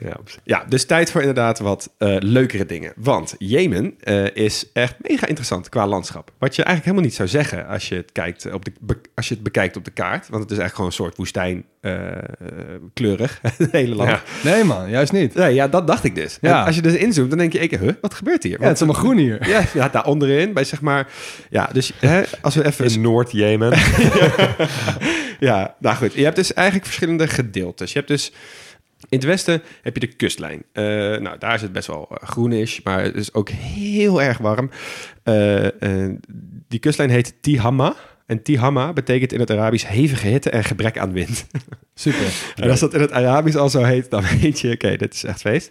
De jaarlijks gemiddelde temperatuur hier is rond de 30 graden. Dus ik denk niet de strandvakanties en gezelligheid. Daarachter heb je het Sarawat-gebergte. Dat loopt van het noorden tot het zuiden van het land. Dus dat strekt helemaal door Mhm. Jemen heen. Eh, en eh, deze bergketen is ontstaan door de opwaartse beweging van de Arabische plaat. En hier vind je dus ook de enige terrasbouw eh, in, eh, eigenlijk in heel Jemen. Ja. En er is de regio historisch ook best wel belangrijk voor de landbouw. Want het is hier het koelst qua klimaat en er is gewoon enige regenval. Ja, er valt best wel, veel, best wel wat neerslag daar. Ja, nou iets meer, nou ja, best wel veel. Best wel Nou goed, eh, relatief voor, voor, Arabisch, voor begrippen op het Arabisch Schierland is Exact. best wel nat. Ja, dan ga je verder naar het oosten en dan kom je dus in dat gebied dat heeft het, de prachtige naam het lege kwartier. Ja, is niet gelogen. Nee, dat is die compleet desolate woestijn die ook delen van Oman, de Verenigde Arabische Emiraten en voornamelijk Saudi-Arabië behelst. Ja. Eh, en in het Arabisch heet dat Rub al-Khali. Dat vind ik ook wel een mooie naam. Eh, en daar heb je echt helemaal niks. Geen water, eh, eh, niks. Ze hebben sowieso best wel een groot watertekort. Eh, want van de hoef van de 527.000 vierkante kilometers die Jemen rijk is, hoeveel procent denken jullie dat daarvan water is? Zo. Alleen landoppervlak bedoel je? Ja, dus niet de zee telt niet mee. Ja, weet ik veel. Ja. Drie of zo. Echt heel weinig. Nul. Nou, Oh. 0 procent. Gewoon Ja. geen wateroppervlakte, bijna Ja. geen regen. Eh, maar daarom moeten ze dus gebruik maken van wadis. Kennen jullie de term een wadi? Ja, dat is een, eh, een, een wadi is een tijdelijke rivierbedding. Ja, exact. Ja. Een wadi is dus een term, een wereldwijd gebruikte term, afkomstig uit het Arabisch. Het is een soort dal, slash, eh, ja, een soort droge rivierbedding, die je kan gebruiken als er veel neerslag valt, dat daar het water doorheen kan gaan naar de plekken waar het nodig is. Het is heel belangrijk in droge en semi-droge regio's, voornamelijk in het Midden-Oosten en eh, Noord-Afrika. Ehm, want ja, als het regent, dan regent het ook in één keer hard. En omdat die grond zo hard is, kan het water dan vaak nergens heen. En dan krijg je een soort flash floods en gekkigheid. Dus daarom zijn die wadis fijn, want dan gaat dat naar de juiste plekken. Eh, als een soort natuurlijk afwateringskanaal. Ja. Maar het is ook natuurlijk, hè? Ja, ja, ja precies. Dus, Ja. dus het is... Ja, oh, sorry. Ja, dat bedoel ik. Het is niet, zeg maar, gemaakt door mensen. Het is Dus gewoon het een, is een rivierbedding, die, eh, of gewoon een rivier die het grootste deel van het jaar droog is. Precies, ja. En het, en het Ja. is ontstaan vanwege het feit dat dat het snelste route is naar water, zeg maar. Dus het is logisch dat dat een wadi is. Ja. Maar waarom ik zei dat je het kan maken? Omdat in Nederland natuurlijk maken wij wadis zelf. Want ja, Nederland. En in wadi kwam zelfs de afkorting tegen van wadi. Water, afvoer, drainage en infiltratie. ah, voor wadi. Dus eh, dat je dus eh, regenwater zuivert en dan het water infiltreert in de ondergrond. Dus dan helpt Ja. wadi tegen wateroverlast en droogte. Ja. Heel fijn fun factje, vond ik. Eh, Guadalajara, de stad in Mexico, komt van het Arabische Wadi al-Hidejara. Oftewel rivier van stenen. Nee joh. Echt? Ja, en weet je hoe dat komt? Nee. Het is dus een, een Guadalajara is dus eigenlijk een dorpje in Spanje, genoemd door de Moren, zo genoemd door de Moren. En die hebben vervolgens die naam meegenomen naar Mexico. En daarom heet Guadalajara, Guadalajara Wadi al-Hidejara. Hey. Vet. Zo, Ja, vet, dat is echt heel vet. Ja. Ik vraag me af hoeveel procent van de mensen in Guadalajara dit weten, maar nou, komen we ooit achter. Ik denk niet dat ze luisteren. Nee, dat denk ik ook niet. Nou, dan komen we bij de parel van Jemen. Eh, Socotra, of Socotra, is een eiland, 380 kilometer ten zuidoosten van het vasteland van Jemen en 250 kilometer ten oosten van Somalië. Dus eigenlijk best wel eh, in de midden in de, of ja, eigenlijk best wel op een plek waar Eigenlijk gek dat het bij Jemen hoort. eh, Als in het, eh, is het best ver ligt weg. er niet, niet naast. Nee, zo. nee, zeker. En het is best wel ver weg. Eh, en ze noemen het ook wel, eh, komt die Max, de Galapagos van de Indiase Oceaan. Super, volgende hoofdstuk. Maar dit is wel met een reden. Want het is een van de meest geïsoleerde landvormen op aarde van niet-vulkanische oorsprong. En is dus zelf ooit afgebroken van Gondwana, van het oer- oercontinent. Dus het is niet ontstaan door een vulkaan, maar het was gewoon ooit een soort vasteland. Een mini, mini, mini Madagaskar, zeg maar. Ehm, maar door die isolatie eh, hebben ze een extreme graad van endemie. Vergelijkbaar dus met de Galapagos-eiland. Dus die vergelijking gaat wel op. Galapagos heeft alleen wat betere eh, marketing gedaan, denk ik.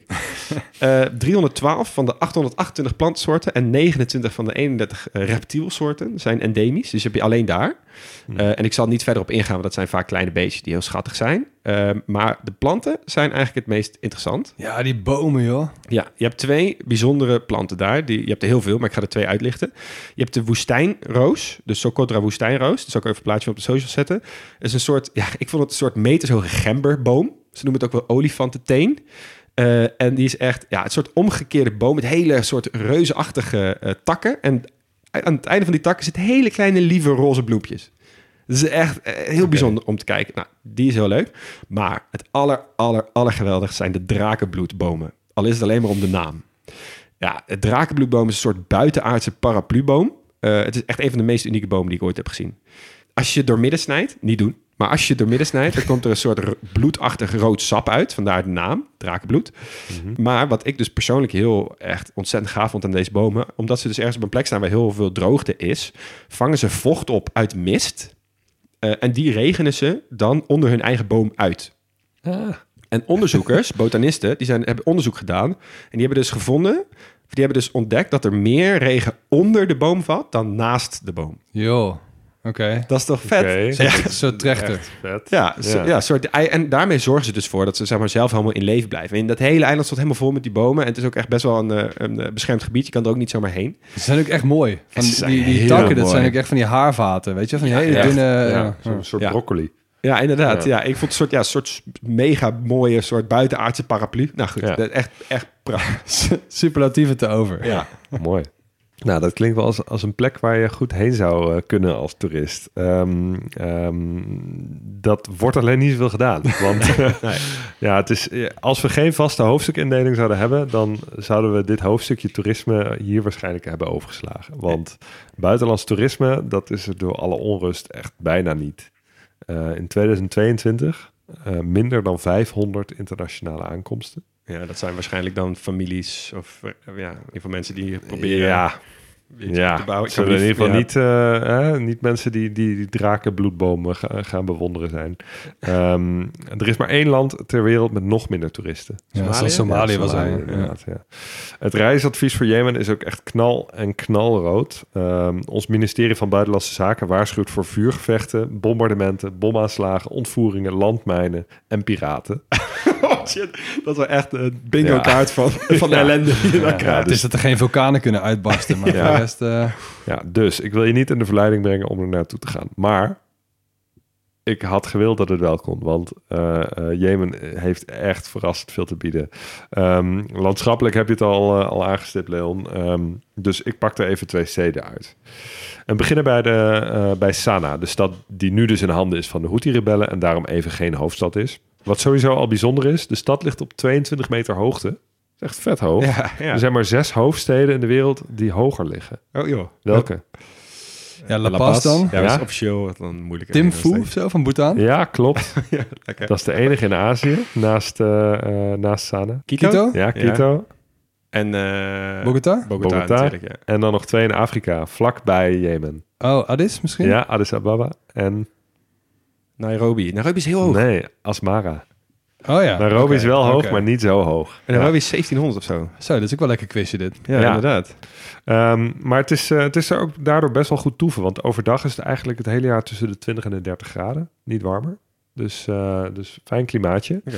En het oude centrum is echt bloed, bloedmooi. Ehm, en daarom ook sinds 1986 werelderfgoed. Het staat vol met typische oude Jemenitische gebouwen. En dat zijn tamelijk hoge huizenblokken van steen. eh, met glas- en loodramen. En aan de buitenkant mooi versierd met witte patronen. Ehm, ja, we zullen de website ermee volzetten. Maar Ja. je kunt het best vergelijken met een huisje van koek... waar je dan met witte glazuur op getekend is. Ja, het zijn Als van die gingerbread houses. weet je wel, ja. ja, precies. Dan Ja. weet je Dit wel was dus een van die momenten dat ik dus... Ik heb de Maxi volgens mij ook over. Ik zo, wat is dit? Ja. Is dit Sana? Wow, hoe heb ik dit nooit... Ja, is echt een het is hiaat Ja, ja. voor mij. Er dan. staan ongeveer 6.500 van dit soort huizen in de, in de binnenstad. Eh, meer dan 100 moskeeën, 12 hammams van die badhuizen. Ja. Die laatste staan wel een beetje onder druk, want Sanaa is een stad met, eh, met een steeds nijpender worden, wordend watertekort. Ja, ja. Eh, de grondwatervoorraden raken heel snel op en waarschijnlijk zitten ze in 2030 zonder water. Zo, Hm. ja. Dus dat is niet handig. Als er nou een soort vrede was, dan konden ze nog in ieder geval waterzuiveringsinstallaties van die golf van Aden eh, werken. Maar dat, ja, Eh, ja, maar nee. er zijn wel andere dingen aan hun hoofd. Ja. Ehm, een andere werelderfgoedplaats in Jemen is Shibam. En die kennen we beter onder zijn bijnaam. Manhattan van de woestijn. Ja. Eh, het is een oude stad, maar in de 16e eeuw is die helemaal herbouwd. Er werden ongeveer 500 huizen gebouwd met een hoge muur eromheen. En elk van de huizen werd door één familie bewoond. Ehm, er was geen ruimte meer voor extra huizen binnen die stadsmuren, maar de families groeiden wel. Dus wat deden ze? Bij familieuitbreiding werd er telkens een verdieping bovenop een huis gebouwd. En zo ontstonden gebouwen tot ongeveer 10 verdiepingen hoog. Ja. Dus ze zijn dus echt ja, van steen. eh, skyscrapers af alle Ja. letteren. Ja. Ja. Super. Ehm, de stad is dus echt een dichtbebouwd woonblok midden in de woestijn, die echt uittorent boven de omliggende grond. Ziet er echt heel sprookjesachtig uit. Ja. Ehm, de gebouwen zijn gemaakt van leem. Leem is een grondsoort die bestaat uit zilt. Eh, daar hebben we het eerder over gehad. Eh zilt, dat zijn namelijk korreltjes die fijner zijn dan zand. Maar grover dan lutum, waar bijvoorbeeld klei uit bestaat. Eh, en we hadden het er geloof ik over bij Limburg. Want ehm, eh, eh, lus is eigenlijk leem die is afgezet door de wind. Ja. Ja. Maar goed, die huizen zijn dus van, van leem. En dat is prima bouwmateriaal. Maar hij heeft één nadeel. Het kan niet zo goed tegen water. Dus er wordt een, een klein laagje gips omheen aangebracht... om het water afstotend te maken... voor het be- beetje water wat er in de woestijn valt. Eh, maar dat vergt dus wel veel onder, onderhoud. En dat is een probleem. En ehm, eh, wat vooral ook een probleem is... is dat de gebouwen tegenwoordig zijn aangesloten op het waternet. Ah, En dat betekent, als er een lekkage optreedt of iemand laat de kraan openstaan, dan smelten die huis. bouwen als het ware van binnen. No. oh nee. Eh, ja, dus dat is. Dat is eh, dat Als je daar een lekkage hebt, is wel echt een ander verhaal dan hier in Nederland. Dat je even loodgieter moet bellen. Daar moet je gewoon meteen metselaar, huisbouwer, aannemer. Zo, zie je je Ja. huis smelten. Nee, Ja. dat lijkt me niks. Nee. Nou, dan nog wel even de economie, jongens. Want eh, ja, goed, je had natuurlijk Arabia Felix. Hè. Toen was het eh, een, een, een land waar veel te verhandelen was. Onder andere mirre. Oeh, En die, Die, kennen we nog van eh, de Jezus. wijze uit het oosten. Ja, die drie, drie, drie, drie koningen die brachten dat ook. Met goud en wierook. Wat is mirre nou ook weer? Dat wilde ik net aan jou vragen. nee, serieus? Heb je geen idee?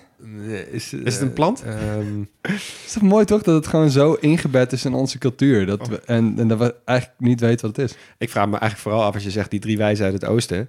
Of ze het niet gewoon stiekem uit het westen kwamen. Als je die, deze regio moet geloven met een noordoost, zuidwest situatie. Ja, goed punt. Hey, weet jullie wat gomhars is? ben je ja, gewoon dat ik me iets je zin, voorstellen. Dat, dat is Dat mirre. is- komt uit een boom. Ja, dat is mirre. Oh, oké. Ja.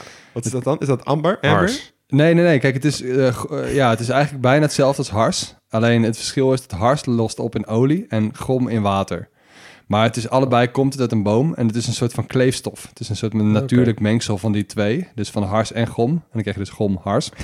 Snap je hem nog? Het is in ieder geval een soort van natuurlijke kleefstof. Goed, goed kraamcadeautje wel. Dat hadden die wijzen wel. eh, Ja, ja lag daar lekker vrolijk in die, in die kribben. Maar eh, nou ja, van oudsher is het al best wel een veelzijdig goedje. Er werd eh, vroeger cosmetica van gemaakt. Eh, het was ook wel medicinaal, dus het zou ontsmettend werken. Maar je kunt het dus ook kauwen of smeren. Dus ja, Oh. niet gek dat die koningen dat brachten. Oké. Ehm, tegenwoordig trouwens kun je wel, wel zien wat voor invloed die politieke instabiliteit heeft op, op het land Jemen. Dus we gaan nu even toe naar de, naar de tijd van nu. Eh, het vruchtbaarste deel eh, van het land is natuurlijk in het westen. Ehm, het is wel het vruchtbaarste land van de hele regio. Hè, dus van alle Saudi-Arabiërs en de Omans van deze wereld. Maar het is ook de armste van de hele Arabische, eh, van de Arabische wereld. Het staat het hoogst op. Nou, dit zijn dingen waar je niet hoog op wil staan. De Fragile State Index, Ja. de Global Hunger Index. De Human Development Index is de laagste van alle niet-Afrikaanse landen. Dus ja, eh, ja. niet zo vrij allemaal. Als je, Nee. eh, als je een kaartje ziet van Duitsland, welk thema dan ook, dan zie je altijd nog wel die oude deling hè, tussen Oost en West. En dat Ja. heb je in, in Jemen dus ook wel een beetje. En kun je nagaan wat, zijn, wat een uitdaging zo'n straatarm land als, eh, als Jemen heeft. Het heeft ook echt twee van die totaal dramatische economieën te verenigen. Ze waren allebei dramatisch in hun eigen soort. Ja. Maar ook allebei heel anders qua opzet. En die moeten ze dan samenvoegen. En er komt over het algemeen niet zoveel goeds uit. Na die hereniging, die Zuid-Jemen ook wel uitlegt als een annexatie. ja, komt als je verliest. Ja. eh, kwam ook alle economische macht ook in het noorden te, noorden te liggen. Eh, en dat terwijl weer alle olie en gas weer in het zuiden zit.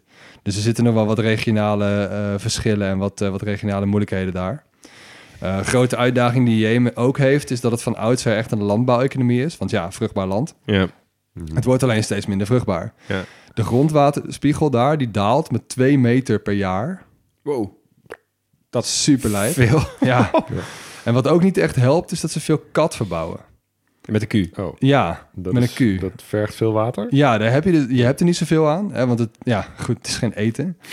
Ehm, Ja, wat is kat precies? ja, het is een blad. En, je- en je koudt het. Dus de verse bladeren eh, dat kauw je dan. Het is een soort laurierblad. Zo ziet het eruit. Zo kun je het best Ja. zien. En de werking, ja, het is een beetje een werking tussen cafeïne en amfetamine. Oké, dus je wordt een soort stoned van soort, en... soort drug. En ja, hard, je wordt er wel redelijk high van, maar ook wel redelijk oppeppend, zeg maar. Ja. Ehm, maar er is ook echt bijna geen land dat zo verbonden is met kat als Jemen. Eh, misschien Somalië, misschien Djibouti, misschien Ethiopië, een beetje die hoek van de wereld. Maar Ja. Je- Jemen is wel een van de weinige landen waar het ook echt legaal is. Daarbuiten wordt het ook bijna niet gebruikt, hè, want het is overal staat het op, op opiumlijsten en zo. Ehm, In en Nederland voor is het ook legaal, toch? Nederland is niet legaal. Nee? Nee, Oh, zeker ik niet. dacht dat wij een keer onder vuur lagen in de Europese Unie, omdat, we, omdat, omdat je in Nederland kat mocht invoeren. Oh ja? En daarom al die Eritreërs uit Zweden eh, eh, naar Alsmeer reden om daar een hele auto vol met kat te laden. En terug naar Zweden te rijden. Oh joh, maar ja. daar hebben we dan misschien iets aan gedaan. Nou, Ja. ik dacht wel dat ik het Ja. op de opiumlijst zag staan in ieder geval. Eh, het is voor ons natuurlijk alleen chill voor zeg maar elektronische Scrabble spelletjes. Ja, inderdaad. Want ja, je kunt wel een mooie Q kwijt. Ja. Maar eh, in Jemen werken iets van eh 150.000 mensen in de katteelt. En wat het probleem is, niet alleen dat je het niet kan eten, maar dat het ook, je kunt het niet exporteren. Want ja, Ja, opium. overal verbod. Eh, en het kost ook veel water. Ja. Dus 30% van irrigatiewater kost het. Jezus. En ook dus veel landbouwgrond waar je allemaal andere nuttige dingen op kunt verbouwen. ja, ik wou net zeggen, hou daar eens mee op. Ja, precies. Nou, dat is een beetje de conclusie. Hou er eens mee op.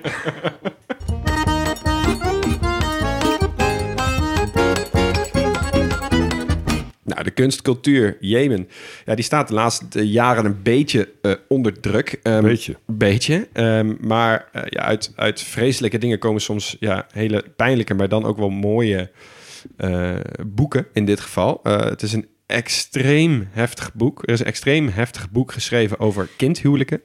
Het heet I am Nujud, age 10 and divorced. Oftewel, mijn naam is Nujud, ik ben 10 en ik ben gescheiden. En het is een memoire. Dus het is geen eh, fictie, het is non-fictie. Het gaat over het meisje Najud Ali. Eh, die was eh, negen en die moest in 2008 in één keer van haar vader trouwen. Met een man die drie keer zo oud was als zij. En met schrijnende directheid, heb ik gelezen, vertelt zij over misbruik door haar man en over haar gewaagde ontsnapping.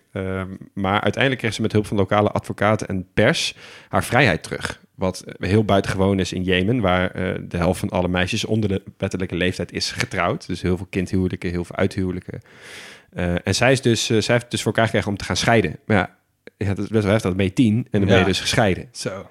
Ja, ehm, daar hebben ze dus een boek uit- uitgeschreven en ook een film. Is verfilmd door de eerste vrouwelijke Jemenitische regisseur, Khadija Al-Salami. Eh, en is ingestuurd eh, naar de Oscars, maar hij is helaas niet geselecteerd. Ik heb overigens het boek niet gelezen en de film ook niet gezien. Maar van wat ik ervan heb gelezen op Goodreads en op verschillende bronnen... veel mensen die zeiden, ja, dit is echt een verschrikkelijk boek. Maar het is heel mooi, maar het is echt verschrikkelijk. Je wil het niet lezen, maar je moet het niet het lezen, wel maar je moet het wel lezen. Een Ja, soort van precies. dat Mhm. idee. Eh, maar goed, ik zal hem op de website zetten als tip. Ja, in hoeverre je dat als tip kan, kan noemen. Ehm, maar goed, dan wil ik even de overstap maken naar natuurlijk hetgene wat veel mensen toch verbindt in tijden van moeilijkheid. de muziek. Eh, je hebt natuurlijk veel lokale muziek met veel lokale instrumenten. Eh, we hebben het een en ander al laten horen bij bijvoorbeeld Qatar, bij bijvoorbeeld eh, de Emiraten en ook bij Jordanië volgens mij. De oud is al regelmatig langsgekomen en ook andere lokale instrumenten. Ehm, en ik wil even beginnen met Ajoub Tadish. Hij is een bekende Jemenitische zanger en componist. Zijn carrière begon in de jaren 70. En ze zeggen dat, zijn, dat hij bekend staat om zijn krachtige stem en het zingen van traditionele Jemenitische liederen. Eh, dus daar ga ik even een stukje van laten horen. أحبك والدموع تشهد ودمع العين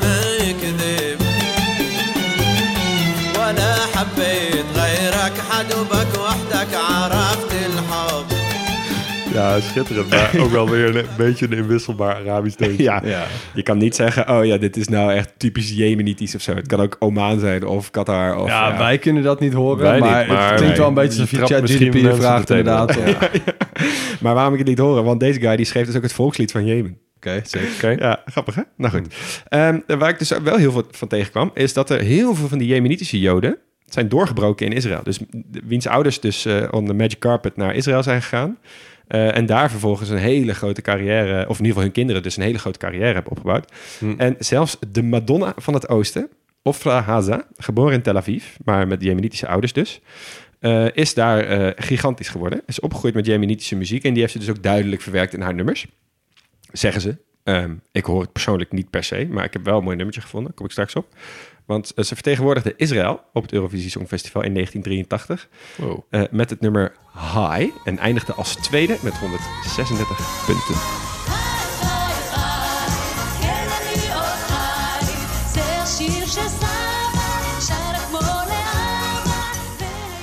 Zo. Ehm, als je mij had gevraagd van wat is dit voor nummer, had ik gezegd Songfestival nummer. Ja, toch? Nou, ik niet verwacht dat je nog bij de Hebreeuws nummer in de aflevering Jemen aan zou komen. Nee, maar daarom wil ik ook nog een ander liedje van haar laten horen eigenlijk. Want dit, dit is, zegt natuurlijk niet heel veel over haar. En hiermee zou je ook de vergelijking met de Madonna van het Oosten niet per se trekken. Ehm, eh, want ze heeft nog een andere eh, hit gemaakt. Eh, helaas even haar laatste, want ze is overleden veel te vroeg als je mij vraagt. Aan complicaties van AIDS in het jaar 2000 al. Eh, maar ze maakte best wel tijdloze muziek. En dit is een van de nummers die ik vond, die ik persoonlijk heel vet vond. Het nummer heet Im Ninalu.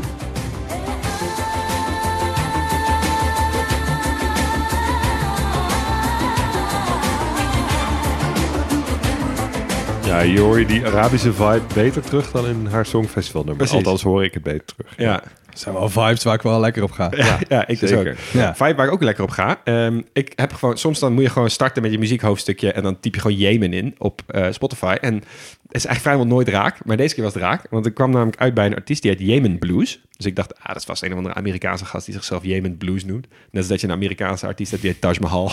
Ja. Maar eh, dit was daadwerkelijk een, eh, een gast uit Jemen. En hij brengt een mix uit van traditionele melodieën uit Jemen met blues, jazz en funk.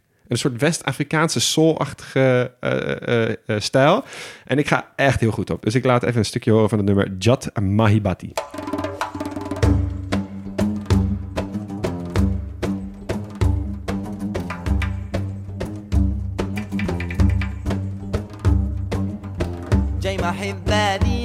Hey, het is wel een hele ruime definitie van de blues. Ja, maar, ik, hoor wel aanknopingspunten. Ik vind het wel mooi.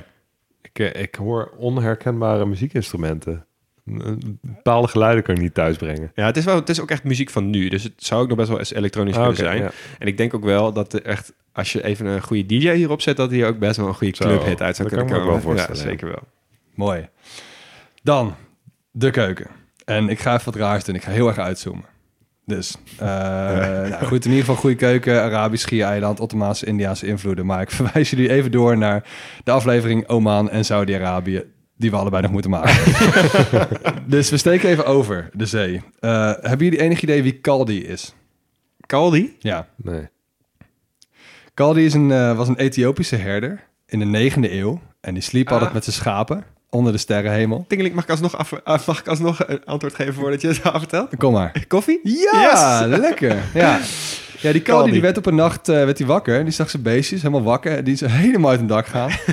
Eh, die hadden gesnoept van besjes uit een struik. Dus Kaldi geldt ook als de ontdekker van de koffie. En qua gebruik ging het daar niet verder dan besjes kauwen en een hele slappe thee van trekken. En eh, nu gaat er een legende dat een Soefi-geleerde in de stad, hey, Mokka in Jemen, Oké. nog helemaal niet genoemd. Nee. Maar Jemen heeft dus een havenstad, die heet Mokka.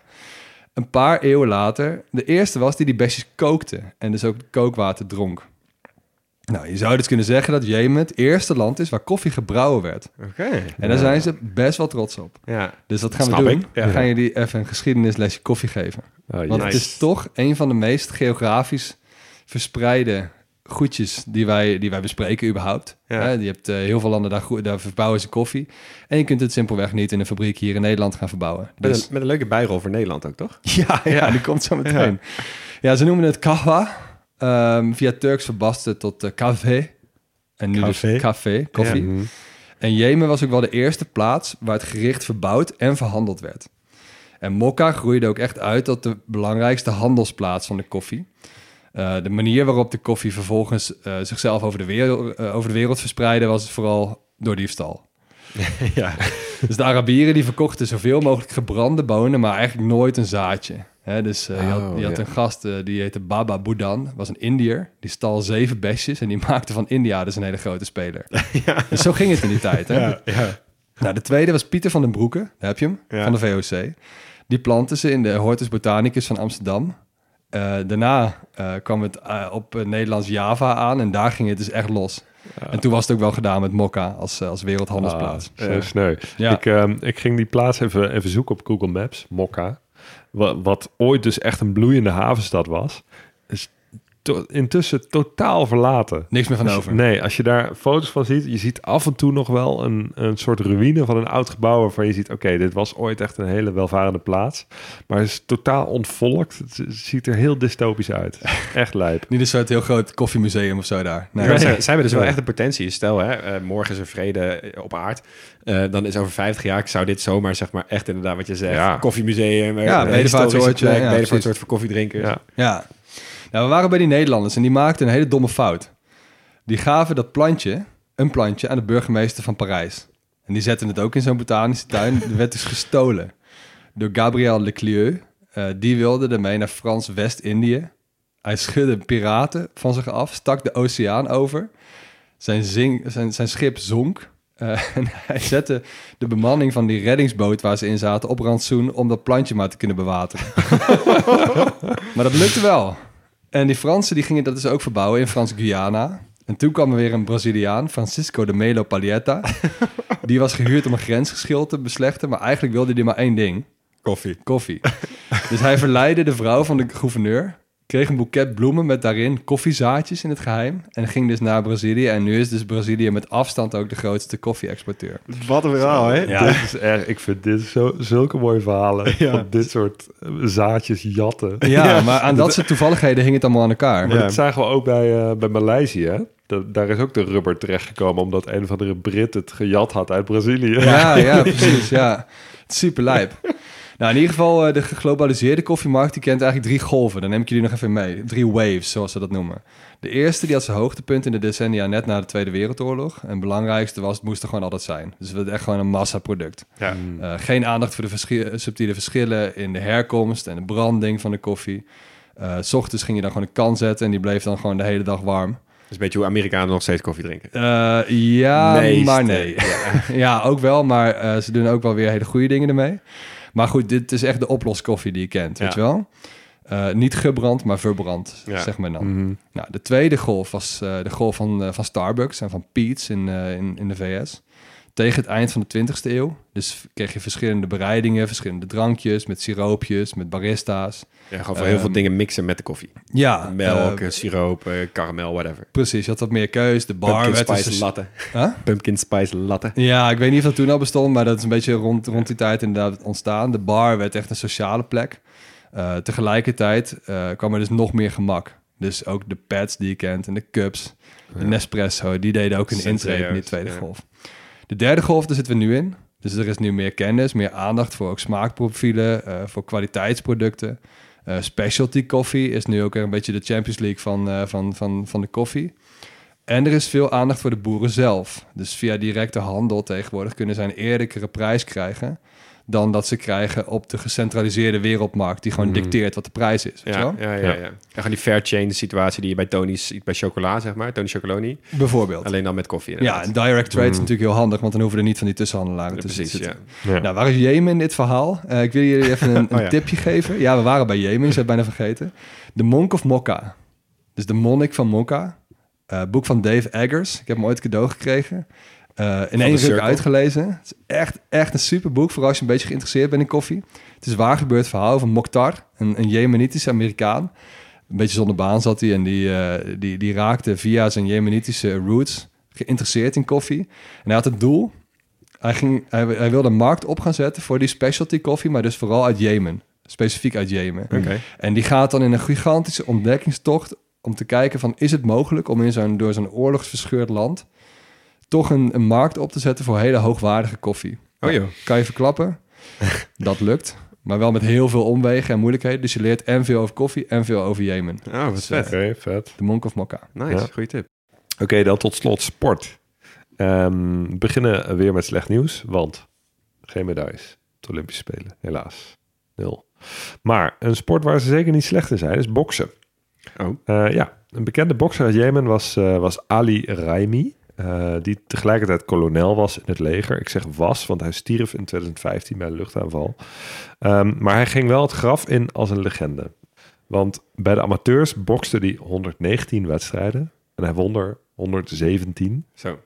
Alle 117 op knockout. Echt? Ja. Wow, wat een statistiek. Lil, jij bokst, dat is... Nou, je weet hoe bijzonder dat, Dat is is. wel vrij insane, ja. Dan Als professional bokste hij 25 wedstrijden.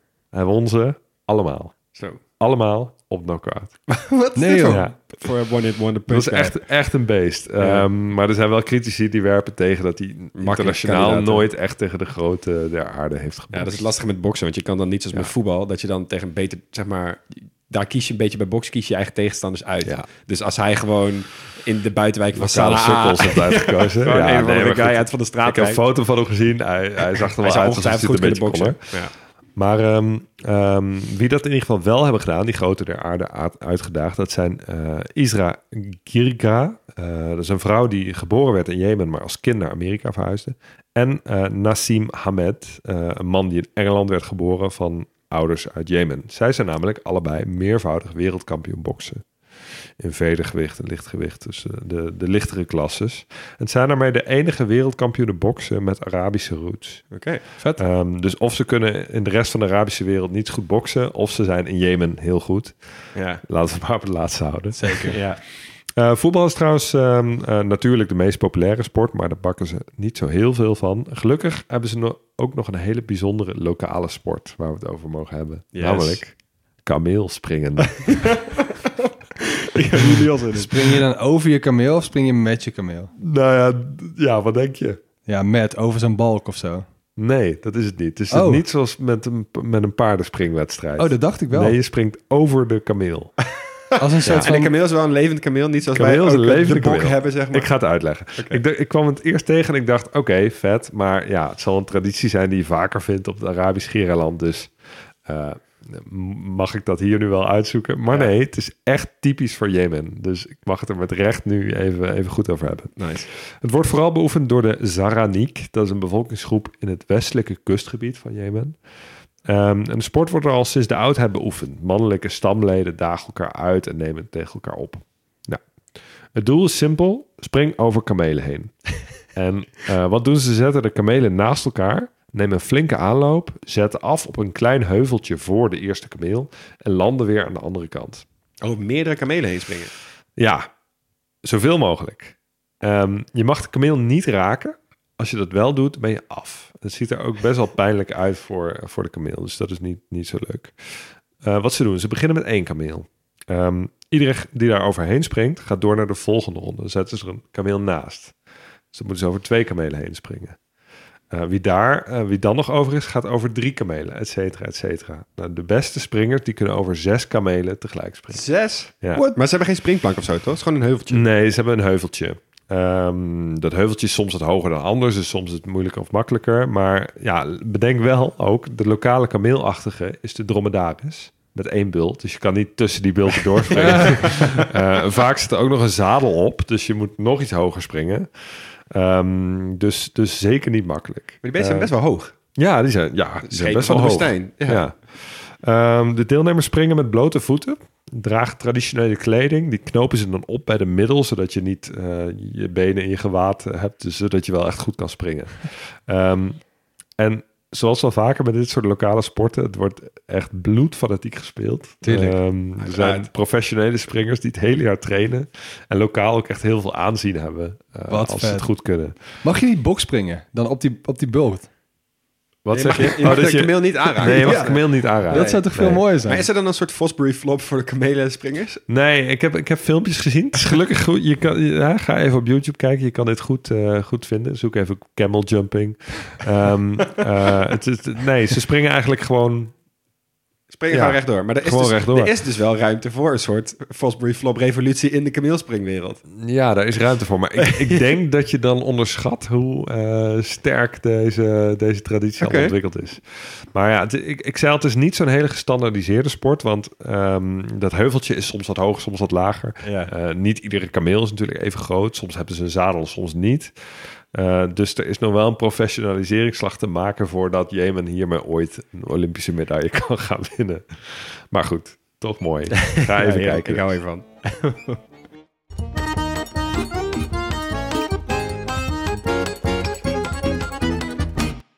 Heren, vrienden, maatjes, hobby's, habibis. Wat maakt Jemen uniek? Nou, toch eh, sinds de Tweede Wereldoorlog twee proxyoorlogen. Best wel ziek, hè? Ja. Dus eerst eh, Egypte, Ja. Saudi-Arabië die tegen elkaar uitvochten Ja. via Jemen. En dan nu eh, Saudi-Arabië en Iran. Goh, ja, met Ja. alle mits en maren Ja, ja, natuurlijk, nee, nee, maar dat is wel heftig, hè? Ja, En natuurlijk die Ja. Koude Oorlog en een deling en ook weer nog een fusie. ja. Ja, man, wat een, wat een, wat een, wat een geschiedenis, joh. Ja, ik denk, een conflict wordt niet veel ingewikkelder dan hoe je het in Jemen hebt gehad de afgelopen 50 jaar. Nee. Nee, en ik denk ook dat, de, ehm, dat klimaatverandering het niet veel beter gaat maken. Nee, ben het wordt alleen maar droger Nee, en ja. dan wordt Geen uiteindelijk... water. Wordt, precies, dingen worden schaarser en water gaat uiteindelijk ook oorlogen betekenen. Ja.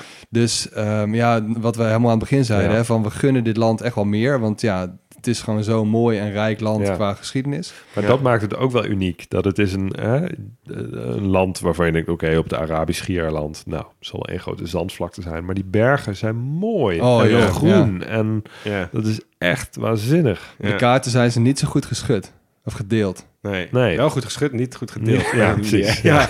Ja, en ze hebben ook geen olie.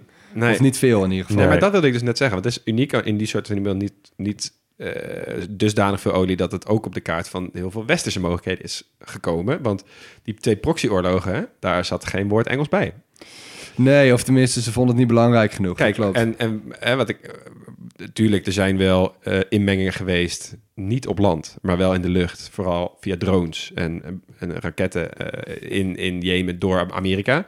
Ja. Ehm, maar verder zijn ze relatief met rust gelaten, ook zeg maar sinds de Eerste Wereldoorlog, behalve dan die Britten die er zaten. Maar het is niet, eh, het is niet een land dat verscheurd is door wat, eh, wat de westerse mogendheden hebben gedaan. Nee, de westerse misschien niet, maar ik ben wel benieuwd wat er met van dat land zou gebeuren of eh, zou komen als iedereen gewoon even zijn handen aftrekt van Jemen. Laat het land gewoon even 20 jaar met rust Ja. en kijk hoe het dan gaat. ja, ik vraag me af, want er zijn natuurlijk ook intern inmiddels zoveel, is er zoveel Ja, kijk, gezeur. weet je, die, die, hè, de buitenlandse mogendheden... en dan misschien in dit geval niet zozeer de westerse mogendheden... die hebben natuurlijk inderdaad zo bijgedragen aan die verscheuring... Ja, Ja. dat dat nu ook heel lastig is om zonder bemiddeling van buitenaf... eh, dat, dat maar op zijn beloop te laten en te hopen dat ze er zelf uitkomen. zeker. Ja, ik denk dat dat ook heel lastig is. Nog een mooie uniek, hebben we nog helemaal niet genoemd. Het is de enige republiek in de regio. Oh, De rest zijn allemaal Ja. van die absolute monarchieën. Ja, oké, Ja, interessant. Ja. En wat En gaan we doen als je één dag eh, in het land zou kunnen zijn? Sokotra, Ja? hands down. Ja, Oh, echt? ja, Oh nee, ik zou toch naar, eh, naar Sana gaan, naar de oude stad. ja. Ja. Of naar die woestijnstad. De Manhattan van de woestijn. Ja, zo. Ik ga denk naar die regio Ib, met die twee B's. IBB. Oh ja. Ja, Dat waar is toch... helemaal in het westen, toch? Eh, ja, een westelijke binnenland inderdaad. Niet ver van Sanaa. Dus misschien eh, nou ja, pak je daar nog een ochtendje mee. Maar dat zijn nou wel die vruchtbare, ge- vruchtbare gebieden. En ik ben echt benieuwd wat er nog van over Ja. is, zeg maar. En er zijn in ieder geval super mooie bergen. En dat is ook een beetje waar die koffie wordt verbouwd. Dus Ja. eh, let's Oh ja. go. Nou, dan kunnen jullie hier Ja. mooi elkaar opzoeken achter op zo'n Toyota Hilux met zo'n eh, met zo'n gigantisch geweer. Zin in. Laat-. Laten we hopen dat het, eh, dat het in onze levens nog, eh, nog kan. Dat Ja, zeker, zeker. Ja. Jongens, heel erg bedankt voor- het luisteren naar dit hoofdstuk van, eh, van de grote podcastlas. Je hoorde Leon Boelens, Max Gertsen en Ugo Noordman en Jonas van Impe, die doet de eindmontage. Nooit volledig, zeker vandaag niet, wel origineel. Geen experts, wel liefhebbers. Als we iets verkeerd gezegd hebben, ehm, ja, sorry daarvoor. Maar laat het vooral even weten via Twitter of Instagram. Dat vinden we alleen maar fijn op Grote Podcastlas. En kijk natuurlijk op de website grotepodcastlas.nl. En volgende week dan reizen we door naar Italië. Ma'assalama.